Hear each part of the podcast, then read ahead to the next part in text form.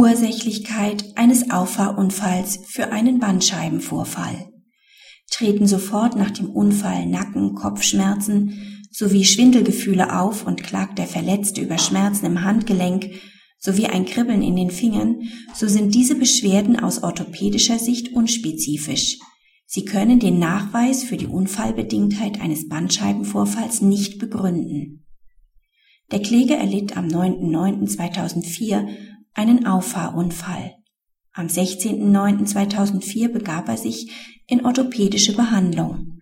Dort wurde eine schmerzhafte Funktionseinschränkung der Halswirbelsäule sowie ein Druckschmerz in Höhe C3, 4 links und eine diffuse Sensibilitätsstörung der Finger der linken Hand festgestellt.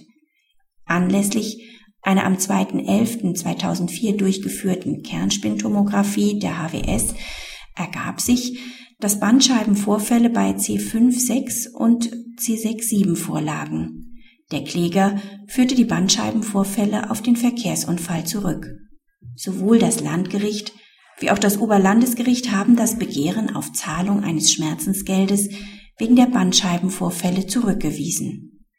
Das Oberlandesgericht hat zur Frage der Unfallbedingtheit des Bandscheibenvorfalls ein Sachverständigengutachten eingeholt der Sachverständige gelangt zu dem Ergebnis, dass trotz einer auf den Körper des Klägers einwirkenden Differenzgeschwindigkeit von 30 bis 40 Kilometer pro Stunde die Bandscheibenschäden nicht auf den Unfall zurückzuführen sind. Insbesondere sei die mit einem Auffahrunfall verbundene biomechanische Belastung nicht geeignet gewesen, die Bandscheibenvorfälle hervorzurufen. Der Faserring der Bandscheibe könne nur bei einer Überflexion also einer Vorbeugung über die physiologische Grenze hinaus reißen. Ein solcher Mechanismus sei jedoch bei dem Unfallhergang deshalb nicht denkbar, weil der Kopf relativ zum Rumpf nach kurzer anfänglicher Flexionsbewegung im Wesentlichen eine Translationsbewegung nach hinten ausführe und dann gegen die Kopfstütze gerate. Vor diesem Hintergrund verneint das Oberlandesgericht eine überwiegende Wahrscheinlichkeit für die Kausalität des Unfalls hinsichtlich des Bandscheibenvorfalls. Praxishinweis.